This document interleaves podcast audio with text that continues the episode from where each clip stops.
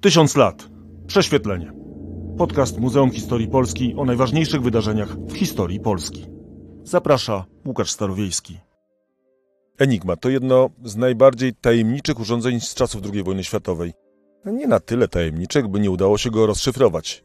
Według wielu historyków złamanie szyfru Enigmy i co za tym idzie, dostęp do większości zaszyfrowanych rozkazów niemieckich skróciło II wojnę światową nawet o dwa lata. W dzisiejszym podcaście prześwietlimy to urządzenia, sposób jego działania oraz sposoby jego złamania. Wreszcie przyjrzymy się wielkiemu sporowi o to, czyj to powód do chwały. A ze mną jest dr Marek Grajek, historyk, kryptolog, dziennikarz. Dzień dobry. Dzień dobry Państwu. Część pierwsza. Enigma wraca do Polski. Można powiedzieć, że długą podróż odbyła Enigma, zanim po wielu latach wróciła do Polski. Ta enigma, która przyjechała do Polski, została wyprodukowana na podstawie projektu polskich naukowców i inżynierów w 1940 roku. Natomiast części do jej produkcji wyprodukowano we francuskiej firmie Edouard Belin. Polacy jeszcze dokończyli tę przygodę, składając y, enigmę w konspiracyjnym ośrodku na południu Francji z części przemyconych z Paryża przez ówczesnego francuskiego zwierzchnika majora Bertrand. Także rzeczywiście jej przygody zarówno od razu na samym początku jej drogi życiowej były burzliwe.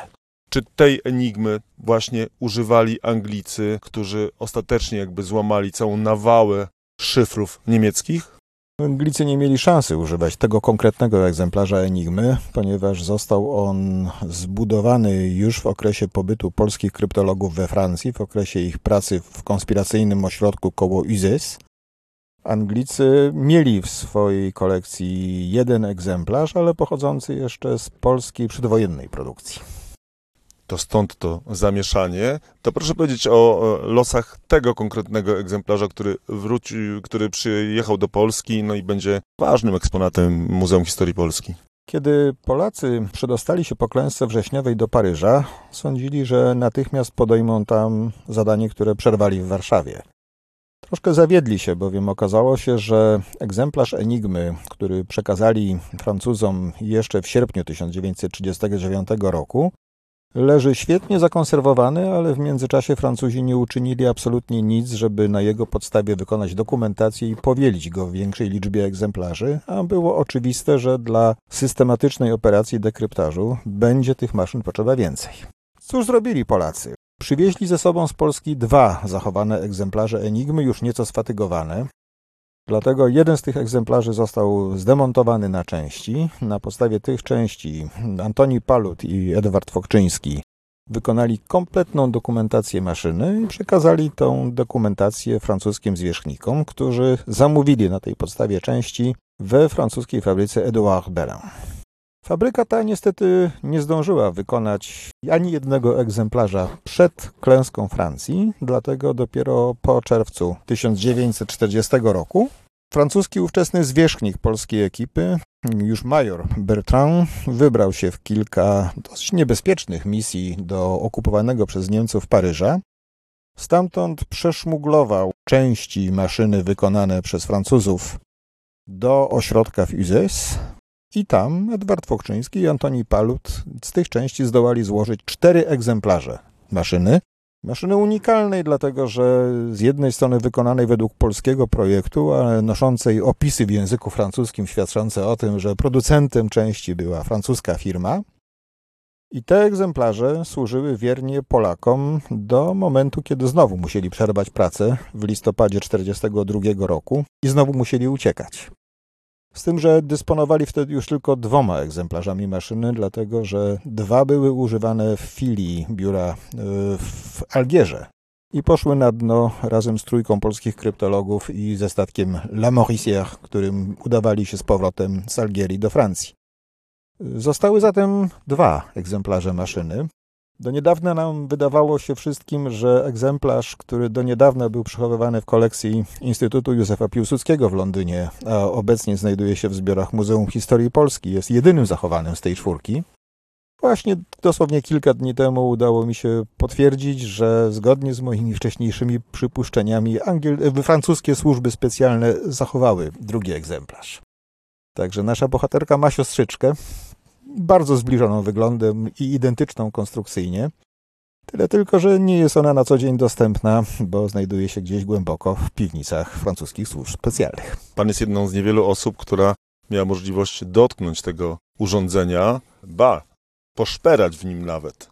Musiałem wystąpić w tej roli, dlatego że Muzeum Historii Polski, zanim zdecydowało się na wydanie sporej gotówki, uznało za właściwe przeprowadzić ekspertyzę tego egzemplarza i po to, żeby taką ekspertyzę zrealizować, musiałem go rzeczywiście dotknąć. Ba, co więcej, musiałem potwierdzić, że jest on funkcjonalnie tożsamy z oryginalną niemiecką maszyną Enigma, no bo to był jego cel. On miał udawać prawdziwą niemiecką Enigmę. Czyli pan rozłożył, ale jeszcze co ważniejsze, udało się złożyć z powrotem. Złożyć i maszyna nawet funkcjonowała po tym zabiegu. Za chwilę o tym, jak funkcjonuje ta maszyna, ale to w drugiej części. Część druga. Maszyna do pisania szyfrem. Tak naprawdę urządzenie wygląda, powiedziałbym, dość niewinnie. Taka maszyna do pisania z dołożonymi jakimiś dziwnymi kołowrotkami. Może pan opisać bardziej szczegółowo, na czym polegało działanie tego urządzenia? Maszyna Enigma była jednym z pierwszych, najwcześniejszych reprezentantów całej dużej rodziny, którą określamy współcześnie mianem wirnikowych maszyn szyfrujących. Wirnikowych, dlatego że jądrem wszystkich tych maszyn jest kilka, konkretnie w tym modelu Enigma, o którym mówimy trzy, obracające się w trakcie pracy wirniki. To, że wirniki te obracają się powoduje, że z naciśnięciem każdego klawisza kombinacja przełączeń w wirnikach, przez które przechodzi sygnał z klawiatury do lampek wyświetlających wynik tej pracy, jest zmieniana. Przypadku Enigmy takich możliwości różnych połączeń wirników jest 26 do trzeciej, czyli 17 tysięcy z hakiem. To oczywiście nie wyczerpuje wszystkich kombinacji szyfru, bo oprócz wirników w maszynie było jeszcze kilka innych elementów konstrukcyjnych, które powodowały, że łączna liczba możliwych kombinacji wszystkich elementów i wszystkich połączeń w maszynie to 3 razy 10 do potęgi 114. To liczba, która troszeczkę przekracza naszą wyobraźnię przynajmniej ludzi o przeciętnej wyobraźni. To raczej liczby, które, które stosują fizycy, na przykład dla określenia wszechświata. To, to dobra bardzo analogia, dlatego że ja zawsze rutynowo porównuję tę liczbę z liczbą szacowaną liczbą atomów we wszechświecie dostępnym naszym obserwacjom. Wynosi tylko 10 do potęgi 80. Tutaj do potęgi 80, tam 114. Także widać z tego, że Enigma była rzetelnym i solidnym wyzwaniem dla umysłu ludzkiego. To prawda. A udało się panu e, zaszyfrować jakąś wiadomość, a potem ją odczytać? To dzisiaj robimy raczej rutynowo. Jeżeli dysponujemy kluczem do szyfru, to jest to czynność trywialna, natomiast w momencie, jeżeli musimy jeszcze oprócz e, rekonstrukcji maszyny zrekonstruować także klucz do szyfru, no sprawa robi się troszeczkę mniej trywialna. Czasami uczestniczę w pracach pewnej grupy fascynatów, którzy usiłują odczytywać przy wykorzystaniu całej współczesnej wiedzy teoretycznej i przy wykorzystaniu współczesnej mocy komputerów archiwalne depesze Enigmy z okresu II wojny światowej. Otóż proszę mi wierzyć, że jeżeli nie dysponujemy jakąś wiarygodną hipotezą na temat zawartości danej depeszy, to mimo wszystkich atutów, które przed chwileczką określiłem, praca nad jedną depeszą potrafi trwać kilkanaście miesięcy. I to pewnie przy użyciu komputerów, maszyn. Tak, tak, tak. No, przy liczących. użyciu potężnych komputerów, dlatego że koledzy z różnych uniwersytetów łączą swoje komputery w sieć po to, żeby przyspieszyć złamanie szyfru. I mimo tego kilka do kilkunastu miesięcy zajmuje złamanie jednej depeszy. To jeszcze tak a propos tego, tego jak, jak to się robi. To znaczy na przykład wciskamy literę A, na panelu czołowym maszyny zapala nam się dowolna inna litera, ale z pewnością nie A, bo Enigma miała taką osobliwość, że żadnej litery nie można było zaszyfrować jako tej samej litery. Była to pewna słabość, którą Brytyjczycy wykorzystali, zresztą wzorem Polaków. Natomiast ważne jest co innego. Ważne jest to, że jeżeli tę samą literę A będziemy przeciskać 17 tysięcy razy z hakiem po kolei, to będą nam się wyświetlały za każdym razem inne litery w sposób całkowicie losowy. Ale liter jest powiedzmy 24 w angielskim. 26 w tym alfabecie, którego używała Enigma. No to jest 26 kombinacji, czy jeszcze były dwuznaki, trzyznaki, Nie, czy cyfry? Enigma używała tylko i wyłącznie alfabetu 26-literowego, także kiedy szyfrant chciał zaszyfrować znaki specjalne typu kropka, dwukropek, Używał albo specjalnych kombinacji znaków, albo też y, alokowano do reprezentowania tych symboli znaki na co dzień niewykorzystywane w języku niemieckim, czyli na przykład X. X oznaczał znak odstępu. To w jaki sposób można odszyfrować wiadomości? Mając klucze, rozumiem, i te klucze, e, nie wiem, Niemcy w czasie II wojny światowej codziennie zmieniali. Czy nawet kilka razy zmieniali, dziennie. zmieniali raz dziennie na początku II wojny światowej, natomiast w późniejszych latach tego konfliktu nawet do trzech razy dziennie. Jak można rozszyfrować? No, mm, zależy od procedury użycia maszyny, dlatego że musimy pamiętać, że w ciągu wojny nie zmieniała się konstrukcja samej maszyny albo zmieniała się w sposób nieistotny, natomiast zmieniano sposób użycia enigmy, czyli procedurę szyfrowania i w zależności od używanej aktualnie procedury różniły się także metody łamania klucza. Polacy, którzy złamali szyfr enigmy po raz pierwszy już w końcówce 1932 roku, Mm, Zrobili to dzięki pewnemu subtelnemu błędowi niemieckich szyfrantów, mówiąc w uproszczeniu, dzięki, dzięki temu, że Niemcy postanowili dwukrotnie szyfrować indywidualny klucz danej depeszy. Nie wdawajmy się w tej chwili w to, y, jak to wyglądało specyficznie, Próbujmy dlatego że e, nie gmatwać, tylko wręcz przeciwnie. Dlatego, że musielibyśmy się troszeczkę zagłębić w matematykę, a mówiona informacja nie jest najlepszym sposobem dla wykładu matematyki. Natomiast istotne jest co innego. Istotne jest to, że równania, którymi Marian Rejewski scharakteryzował enigmę, dawały rozwiązanie w sposób bezwarunkowy. To znaczy, jeżeli dysponowaliśmy grupą od 80 do 100 depesz zaszyfrowanych takim samym kluczem dziennym, to złamanie szyfru, złamanie klucza do szyfru było przesądzone.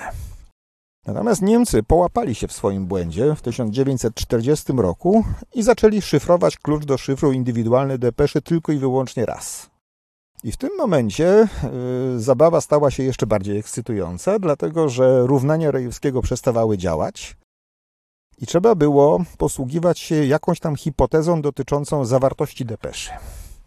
Brytyjczycy troszeczkę naśladując e, wcześniejszy przykład Polaków, skonstruowali monstrualne urządzenia do łamania szyfru, które nazwano bombami Turinga. I te urządzenia tak naprawdę były maszynerią do weryfikacji hipotezy dotyczącej zawartości depeszy. Jeżeli hipoteza była słuszna i rzeczywiście w określonej pozycji depeszy występował określony tekst jawny, to bomba zatrzymywała się i ujawniała rozwiązanie. Natomiast jeżeli hipoteza była niesłuszna, nikt nie wiedział, dlaczego tego rozwiązania nie udało się osiągnąć. Także mm, o ile Polacy byli w stanie łamać szyfr w sposób deterministyczny, tyle Brytyjczycy jedynie statystyczny. Co zresztą znalazło potwierdzenie w tym, że tak długo, dopóki dysponowali tak zwaną ściągą, czyli wiarygodną hipotezą o zawartości danej depeszy, byli w stanie łamać daną sieć łączności, natomiast jeżeli takiej hipotezy brakowało, byli bezradni. Co nie umniejsza skali ich sukcesu, dlatego że pod koniec wojny łamali regularnie około 200 różnych sieci niemieckiej łączności. Trochę już powiedzieliśmy o tym, jak to się działo, że ten kod Enigmy został, a właściwie te kody Enigmy zostały złamane. Za chwilę porozmawiamy o tym tak bardziej chronologicznie. Część trzecia. Po nitce do gordyjskiego węzła. Przed wojną Francuzi, gdy dostali już sporo informacji, między innymi wywiadowczych od swojego szpiega, słyszałem taką, taką relację, że powiedzieli, nie zajmujemy się takimi rzeczami, bo to jest niemożliwe do złamania. Polacy natomiast może o tym nie wiedzieli, bo wzięli się za to, jakby to był problem do rozwiązania. Francuzi nie byli samotni w tym mniemaniu. Wszystkie na dobrą sprawę służby kryptologiczne świata, skonfrontowane z nową rzeczywistością, stworzoną przez pojawienie się maszyny szyfrującej, powiedziały pas, stwierdziły, ten szyfr jest niemożliwy do złamania. I w pewnym sensie miały rację, dlatego że szyfr taki był rzeczywiście absolutnie niemożliwy do złamania z wykorzystaniem tych metod łamania szyfrów, które były stosowane do tej pory. Lingwistycznych. Lingwistycznych głównie. Natomiast Polacy mieli jeden aktyw, mianowicie szef niemieckiej sekcji biura szyfrów, Maksymilian Ciężki, młody podporucznik Maksymilian Ciężki, wiedział o tym, że w 1920 roku, kiedy Polacy wygrali wojnę z bolszewikami, łamiąc ich szyfry, w operacji łamania sowieckich szyfrów uczestniczyła trójka matematyków z Uniwersytetu Warszawskiego. I postanowił postawić jeszcze raz na tego samego konia. Postanowił zatrudnić do łamania szyfrów matematyków i podszedł do tego w sposób niezwykle mm, strategiczny. Znaczy, z jednej strony postanowił zainwestować w tych ludzi sporo wysiłku, organizując dla nich najpierw specjalny kurs kryptologii, potem organizując specjalną filię biura szyfrów w Poznaniu, w której mogli oni dojrzewać i doskonalić swój kryptologiczny warsztat, a dopiero po trzech latach takiego przygotowania postanowił postawić ich przed wyzwaniem, do którego ich wychowywał. I jego inwestycja przyniosła fantastyczną dywidendę, dlatego że Marian Rejewski, któremu jako pierwszemu powierzył to zadanie, złamał szyfr uważany przez innych kryptologów za absolutnie niemożliwy do złamania w ciągu niespełna trzech miesięcy pracy. Ale co, nie, nie wiedział, że to niemożliwe? No z pewnością nie wiedział, że to niemożliwe, wręcz przeciwnie. No tak często się mówi o największych odkryciach. Z perspektywy czasu uznał, że było to całkiem nieskomplikowane zadanie. Ja zawsze wspominam z lubością fragment powojennego listu Rejewskiego do jednego z przyjaciół, w którym stwierdził, że wiesz, wiele teraz hałasu o nasze złamanie enigmy, a myśmy na dobrą sprawę nie zrobili nic innego, jak zastosowali w praktyce wiedzę, którą na pierwszym roku studiów dali nam Abramowicz z Krygowskim. Takie proste, a czasami takie proste rozwiązania są właściwie prawie niemożliwe do, do, do wdrożenia, do wymyślenia.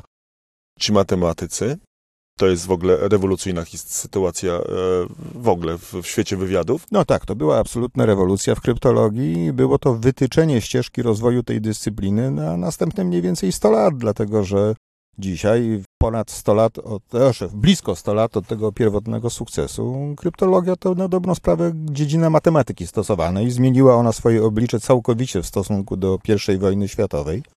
Ale musimy pamiętać o tym, że na te tory rozwoju skierują właśnie Marian Rejewski i jego dwaj koledzy, Jerzy Różycki i Henryk Zygalski. No to trochę porozmawiamy o tych kolejnych historycznych momentach na, na drodze do złamania enigmy, kodu enigmy matematycy nasi już siedzą już pierwszy kod został złamany, ale to jest początek drogi, a wcale nie koniec. No jest to początek drogi o tyle, że złamanie tego pierwszego problemu oznaczało tylko i wyłącznie rekonstrukcję samej maszyny.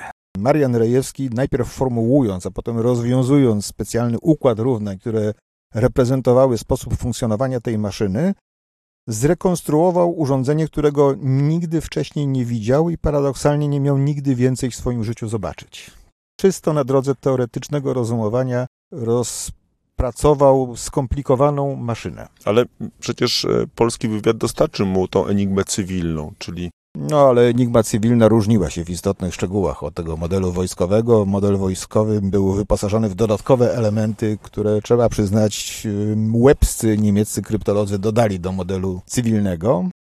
Natomiast pamiętajmy o tym, że to był tylko pierwszy etap pracy, bo Sama znajomość maszyny nie dawała jeszcze możliwości czytania szyfru.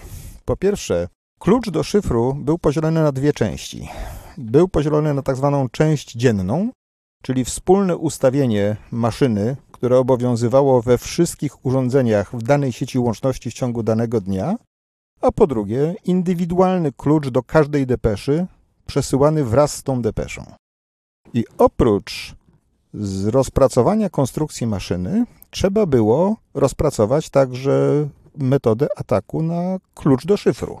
Tak na dobrą sprawę to znowu mamy do czynienia z efektem pewnej intrygi Maksymiliana Ciężkiego. No, Maksymilian Ciężki tak naprawdę dysponował tym kluczem. Dostawał go od Francuzów, a Francuzi z kolei dostawali go od tego swojego niemieckiego szpiega, któremu płacili ciężkie pieniądze. Otóż Maksymilian Ciężki postanowił nie przekazywać tej informacji kryptologom. Chował ją we własnym sejfie, wychodząc zapewne z założenia, że w warunkach wzrostu napięcia międzynarodowego albo wybuchu wojny strumień informacji płynących od tego agenta ustanie. I w związku z tym dokładnie w momencie, kiedy informacja z dekryptażu stanie się krytyczna, będzie niedostępna. Natomiast Maksymilian Ciężki wierzył, że wychowani przez niego matematycy zdołają wypracować sposób na rekonstrukcję klucza do szyfru i miał rację, bo Polacy rzeczywiście, po tym jak y, zrobili pierwszą rewolucję w kryptologii, wprowadzając do niej metody matematyczne, to stali się także prekursorami drugiej rewolucji, mianowicie rewolucji związanej z tak zwaną kryptoanalizą zautomatyzowaną. Byli po prostu pierwszymi w świecie, którzy stwierdzili, że naturalnym przeciwnikiem dla maszyny szyfrującej jest inna maszyna wspomagająca dekryptaż. Skonstruowali kilka pomysłowych urządzeń, które pomagały w rekonstrukcji klucza maszyny. Najpierw prosty stosunkowo cyklometr, później bombę Rejewskiego, do której nawiązywała wzmiankowana wcześniej bomba Turinga. I te maszyny rzeczywiście do końcówki 1938 roku oddawały im fantastyczne zasługi, dlatego że w trakcie ćwiczeń zorganizowanych przez szefa sztabu oddziału drugiego Polacy łamali w czasie rzędu kilku godzin około 75% przechwytywanych depesz niemieckich. Fantastyczny rezultat, rezultat, do którego w tamtym czasie nie mógł zbliżyć się żaden radiowywiad świata. Część czwarta. Klucz przekazany aliantom. Jesteśmy u progu wojny. Sporo już o Enigmie wiemy, natomiast e, Polacy też wiedzą, że dalej sami nie są w stanie z tą całą niemiecką machiną szyfrującą, bo ona z roku na rok się staje coraz bardziej skomplikowana, coraz bardziej natężona, poradzić, także ze względu na to, że po prostu nie mają mocy przerobowych. Dlatego... Znaczy nie mają po prostu pieniędzy, znaczy nazywajmy rzeczy po imieniu. Ten moment nastąpił jesienią 1938 roku w okresie kryzysu monachijskiego, kiedy to Niemcy wprowadzili do Enigmy dwa dodatkowe wirniki. Trzy dodatkowe, trzy dotychczasowe wirniki można było uporządkować na sześć różnych sposobów. W związku z tym do łamania szyfru wystarczało sześć egzemplarzy bomby Rejewskiego, który Polacy właśnie zakończyli produkować i właśnie potwierdzili ich skuteczność. Natomiast Niemcy dodali dwa dodatkowe wirniki i w związku z tym liczba kombinacji wzrosła do 60, dziesięciokrotnie. Zważywszy, że sześć egzemplarzy bomby Rejewskiego kosztowało podobno około 100 tysięcy złotych, czyli z grubsza rzecz biorąc roczny budżet biura szyfrów, wykonanie 60 egzemplarzy nie wchodziło w grę. Trzeba było sięgnąć po pomoc z zewnątrz. No i wtedy rozpoczęły się knowania, w jaki sposób można by było podejść do potencjalnych aliantów, żeby pomogli Polakom od strony organizacyjnej czy finansowej. To też długa i skomplikowana historia, w jaki sposób doszło do alianckiej współpracy kryptologicznej w okresie II wojny światowej. A pokrótce damy radę? No spróbujmy. No to spróbujmy. Tak naprawdę intrygę znowu rozpoczął Francuz. Gustave Bertrand, który... To nazwisko już znane, tak. oczywiście nam. Bertrand nie wiedział o sukcesie Polaków. Polacy nie poinformowali go o tym, że zdołali złamać Enigmę już 6 lat wcześniej. I troszeczkę sfrustrowany bezradnością swojej służby wobec maszyny szyfrującej, zaproponował Polakom intrygę polegającą na sprokurowaniu przecieku, który miałby świadczyć o tym, że Enigma jest łamana. Miał nadzieję, że taki przeciek skłoni Niemców do rezygnacji z użycia maszyny i powrotu do wcześniej stosowanych, stosowanych szyfrów ręcznych. Polacy oczywiście nie mogli dopuścić do realizacji tego scenariusza, no bo byliby poświęcili w ten sposób najważniejszy swój aktyw. Ciekawy jestem, czy nie była to podwójna gra Bertranda, który może czegoś się domyślał. Jeżeli się domyślał, to na pewno nie dał tego po sobie poznać. Natomiast istotne jest to, że na kanwie tych rozważań doszło w styczniu 1939 roku do pierwszego spotkania trójstronnego brytyjsko-francusko-polskiego w Paryżu, na którym można by było powiedzieć, strony troszeczkę obwąchiwały się nawzajem. Polacy pojechali do Paryża z jasną instrukcją, żeby ujawnili swój sukces tylko i wyłącznie w wypadku, jeżeli ich potencjalni partnerzy wykazaliby podobne zaawansowanie. Ponieważ okazało się na miejscu, że ani Francuzi, ani Brytyjczycy nie dysponują żadną wiedzą na temat Enigmy, Polacy skwitowali swój udział kilkoma ogólnikami, zyskując y, zawarte w opinii jednego z brytyjskich y, uczestników spotkania określenie głupcy i ignoranci. No ale tego obwąchiwania nie można było kontynuować nieskończoność. Dla doświadczonych funkcjonariuszy wywiadu było oczywiste, że wojna zbliża się i jest nieunikniona, a byłoby sytuacją absolutnie nieakceptowalną, gdyby w toku tej wojny jedna przypadkowa bomba miała wymazać cały dorobek polskiej ekipy. I dlatego ktoś gdzieś wysoko w strukturze oddziału drugiego Sztabu Głównego Wojska Polskiego podjął decyzję o podzieleniu się sekretem z Francuzami i z Brytyjczykami i w końcówce lipca 1939 roku w Warszawie odbyło się spotkanie, w trakcie którego Polacy przekazali całą swoją wiedzę na temat Enigmy Brytyjczykom i Francuzom. Przy okazji przekazując im przygotowany wcześniej raport zawierający określenie wszystkich metod dekryptażu i jako dodatek specjalny po jednej kopii polskiej rekonstrukcji Enigmy, które dotarły pocztą dyplomatyczną do Paryża i do Londynu. I zaczyna się wojna. W ostatniej chwili tak naprawdę to się udało, udało się tego dokonać, bo być może dwa miesiące później nie byłoby to możliwe, albo byłoby dużo, dużo trudniejsze. Przypuszczalnie dałoby się, zważywszy późniejsze losy całej ekipy kryptologów. Natomiast rzeczywiście w warunkach wojennych negocjuje się jakiekolwiek porozumienia zdecydowanie trudniej niż zawczasu. Część piąta. Bomba i angielska fabryka łamania szyfrów. To przejdźmy teraz do tego angielskiego wkładu. Już wiemy, e, ile Polacy w to wnieśli. W takim razie, co zrobili Brytyjczycy, że mogą sobie przypisywać sukces złamania kodu Enigmy, przynajmniej część z nich i przynajmniej propagandowo? Brytyjczycy najbardziej twórczo rozwinęli metody przekazane im przez Polaków przed wybuchem wojny. Nie był to łatwy proces, między nami mówiąc, bowiem wśród Anglików bardzo trudno przebijała się myśl, że w, agendzie, w agencji kryptologicznej należy zatrudniać matematyków.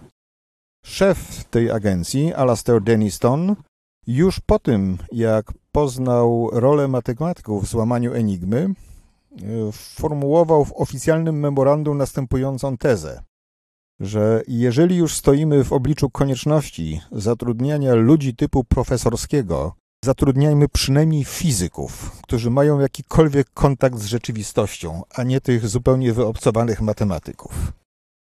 No, musiał zmienić swoją optykę widzenia natychmiast i zresztą zrobił to ze skutkiem, bowiem zatrudnił młodego człowieka, który dzisiaj jest uznawany za najbardziej wybitnego matematyka XX wieku. Zatrudnił Alana Turinga, który cierpiał na kilka dziwactw, ale niewątpliwie głowę miał nie od parady. I to po pierwsze, Alan Turing osobiście na prośbę mm, szefów brytyjskiego radiowywiadu zweryfikował jako pierwszy poprawność informacji przywiezionych przez nich z Warszawy, a po drugie, niezwłocznie po tym przystąpił do projektowania tego urządzenia, o którym już mawialiśmy, czyli bomby Turinga.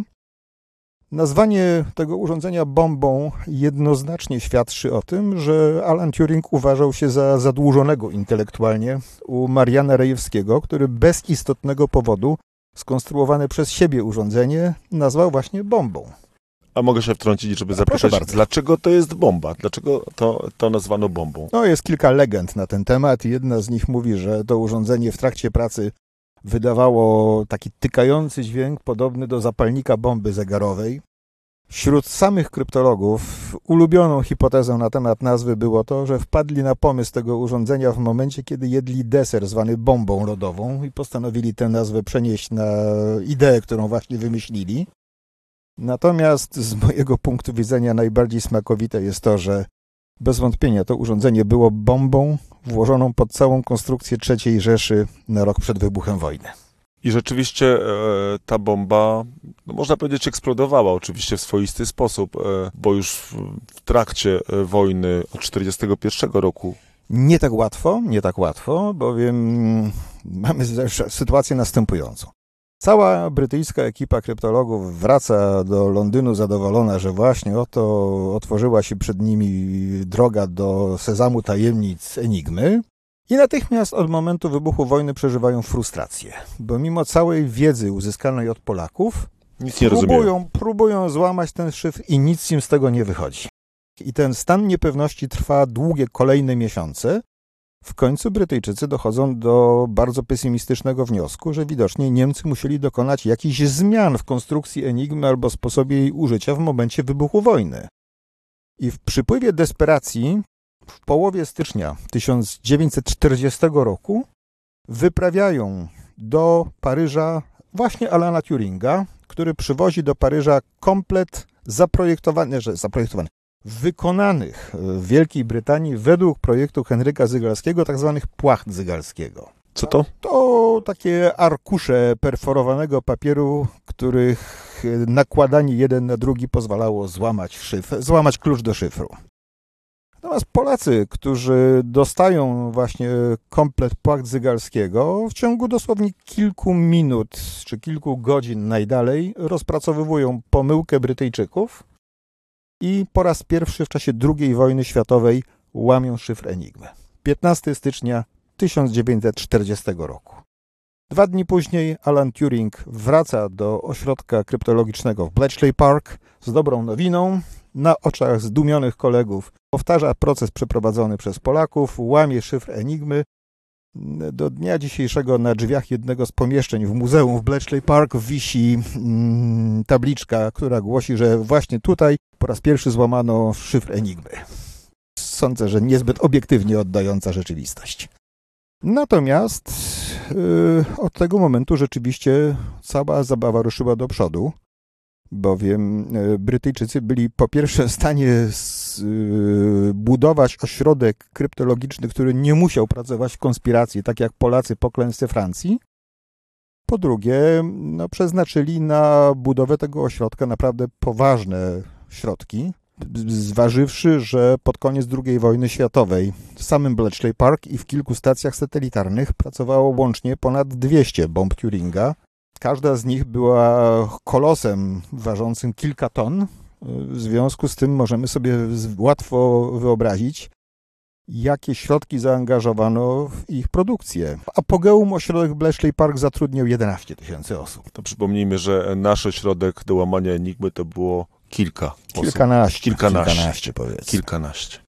Kiedy ten złamany szyfr tak naprawdę zaczął decydować o losach bitew, wojen? O, do tego to się trzeba jeszcze było nauczyć posługiwać tą bronią, tak? I to Brytyjczykom przychodziło z pewnymi problemami, bo okazało się, że w momencie, w którym nawet już potrafią czytać depesze Enigmy, to nie bardzo są w stanie przekazywać skutecznie i szybko informacje pozyskane w ten sposób do sztabów wojsk walczących w polu. I w efekcie najpierw nie potrafili wykorzystać tych informacji w trakcie kampanii norweskiej, potem nie potrafili ani oni, ani Francuzi wykorzystać informacji z dekryptażu w trakcie kampanii francuskiej. I tak na dobrą sprawę, y, początek operacyjnego wykorzystania informacji z dekryptażu Enigmy to dopiero wszystkie kampanie w Afryce Północnej, czyli 41 i 42 rok, kiedy rzeczywiście Brytyjczycy łamali bardzo skutecznie depesze Enigmy, tyle tylko, że nie wiedzieli o tym, że Niemcy także czytają ich własne szyfry, w związku z tym na kryptologicznym polu bitwy był raczej remis, no może z delikatnym wskazaniem na Brytyjczyków. Natomiast tym polem, na którym dekryptarze Enigmy rzeczywiście okazały się decydujące, i to jest bezsporne, była bitwa o Atlantyk, czyli kampania zmierzająca do zabezpieczenia alianckich konwojów przed ubotami. I tam ta kampania rozpoczęła się na dobrą sprawę dopiero w kwietniu 1941 roku, bowiem Brytyjczycy do kwietnia 1941 roku nie byli w stanie złamać specyficznego sposobu użycia Enigmy przez Kriegsmarine, i dopiero właśnie w tym miesiącu na pokładzie zdobytego niemieckiego ubota znaleźli dokumenty, które im to umożliwiły. Ale od tej pory, z roczną przerwą w 1942 roku, czytali depesze ubotów dosyć skutecznie i dzięki temu do Europy mogły dopłynąć ze Stanów Zjednoczonych i z innych miejsc w świecie statki dowożące paliwo, żywność, broń, amunicję dla brytyjskich oddziałów, a potem oddziały z kolei amerykańskie przygotowujące się do inwazji Normandii. Pamiętam list, jaki do zgromadzonych wystosował ówczesny szef brytyjskiej agencji radiowywiadu Sir David Pepper.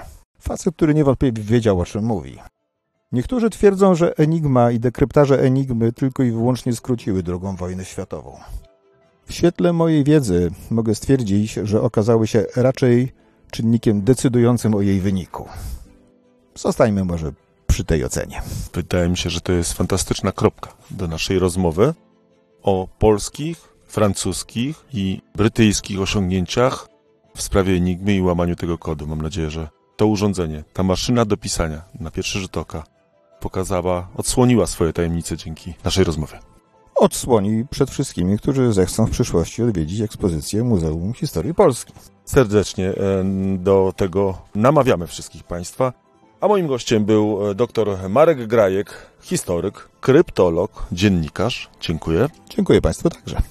I to wszystko w dzisiejszym podcaście. Tysiąc lat prześwietlenie. Zapraszam na kolejne odcinki.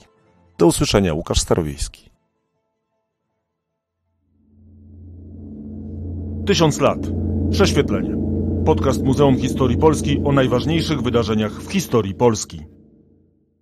Podcastów Tysiąc lat prześwietlenie wysłuchasz na YouTube, Spotify, Google Podcast, Audiotece, a także na innych platformach podcastowych. Chcesz być na bieżąco? Subskrybuj kanał Muzeum Historii Polski.